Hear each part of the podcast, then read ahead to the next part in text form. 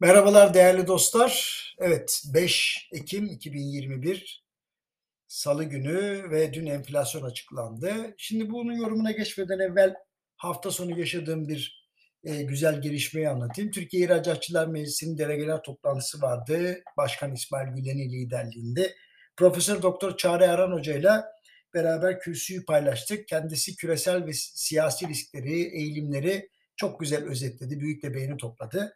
Ben de her zamanki üslubumla küresel ekonomik gerçekleri ve riskleri dinleyicilere aktardım. Sonra soru cevap sırası geldi. Ben de her zaman gibi mikrofonu elime aldım ve teklifsiz bir şekilde bir tasarımcı uzattım, bir sanayiciyi uzatmak yerine ve sordum dedim ki kurlardaki yükseliş ve belirsizlik sanayiciler kadar sizi de etkiliyor. Şimdi cevabı oldukça net ve çarpıcıydı. Şöyle dedi. Elbette bizi de etkiliyor. Çünkü biz de pahalı yabancı girdi kullanıyoruz.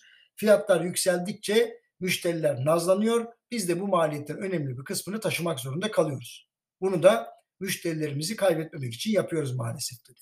Şimdi salonda bulunan sanayicinin önemli bir kısmı cevabın bu kadar net olmasına şapka çıkardı. Herkesin derdinin aynı olduğu çok net olarak anlaşıldı. Şimdi sürekli yükselen ve dalgalanan kurların üretenler ve tasarlayanlar için olumsuz yan etkiler yarattığı ortada. Ancak geçen hafta büyük bir bankanın genel müdürü yükselen kurların hükümet tarafından tercih edilen bir politika olduğunun altını çizdi. Ben bu fikirde değilim. Yani faizleri düşürme politikasının büyüme endişesinden kaynaklandığını ve tercih edildiğine inanıyorum.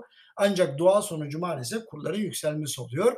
Şimdi geriye dönüp bakıldığında kur yükselişlerinin ardından gelirlerin yükselmesi ve döviz cinsinden fakirleşmenin nötralize edilmesi 2 yıl falan sürüyor. Yani bakıldı 17-18 ay diyelim 2 yıla kadar da uzadığı oluyor. Fakat bu sefer hane halkının gelirlerinin artması öyle kolay olmayacak. Çünkü işsizlik uzun süre çift tanede kalacak gibi gözüküyor. Diğer taraftan ücret artışları enflasyona yakın da yapılsa hayat pahalılığının oldukça gerisinde kalmakta. Pandemiyle beraber fakirleşmenin daha hızlandığı saha araştırmalarından da zaten anlaşılıyor. Dolayısıyla yüksek kur yaklaşımının bir politik olarak sunulması ithalatın yapısı, borçluluk, rezervler, enflasyon ve dolarizasyon gerçeği dahilinde bana göre pek mümkün değil. Sanıyorum hükümet şöyle bir hesap yapıyor. Yüksek faizlerin yarattığı risklere bakıyor. Yükselen dövizin yarattığı risklere bakıyor. Arasında bir tercih yapıyor. Şimdi bu doğrudan doğruya bak gördün mü yüksek kur tercih edildi anlamına gelmiyor. Ama bir yan etki olarak maalesef karşımıza çıkıyor. Daha önce bu çok test edildi ama herhalde bu sefer bir mucize yaratması bekleniyor diye düşünüyorum. Şimdi dün açıklanan tüfe, çekirdek enflasyon ve üfe rakamlarına gelince Söylenecek fazla bir şey yok.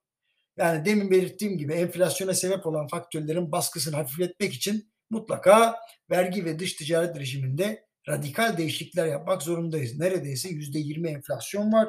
%45 civarında da üretici enflasyonu var. E bununla başa çıkmak istiyorsak bir kere fiyat denetimlerine farklı bir yerden başlamak lazım. Sorun nihai satıcıda ya da üreticide değil. Arada bir yerlerde. O yüzden fiyatları baskılayarak enflasyonla mücadeleyi yakın geçmişte denediğimizi hatırlatayım. Çalışmadığını gördük diye düşünüyorum. Vergi politikaları ve rekabeti önleyen dış ticaret yaklaşımlarımızla fiyat artışlarına davetiye çıkardığımızın farkına artık varmamız gerekiyor. Buralarda akılcı işler yaptığımız zaman hemen arkasından kamuda tasarruf daha etkin hale gelecektir. Şimdi e, benim bugünlük söyleyeceğim bu yarın derinlemesine bir analiz yapacağım enflasyonla alakalı. Efendim şimdilik hoşçakalın yarın görüşmek üzere.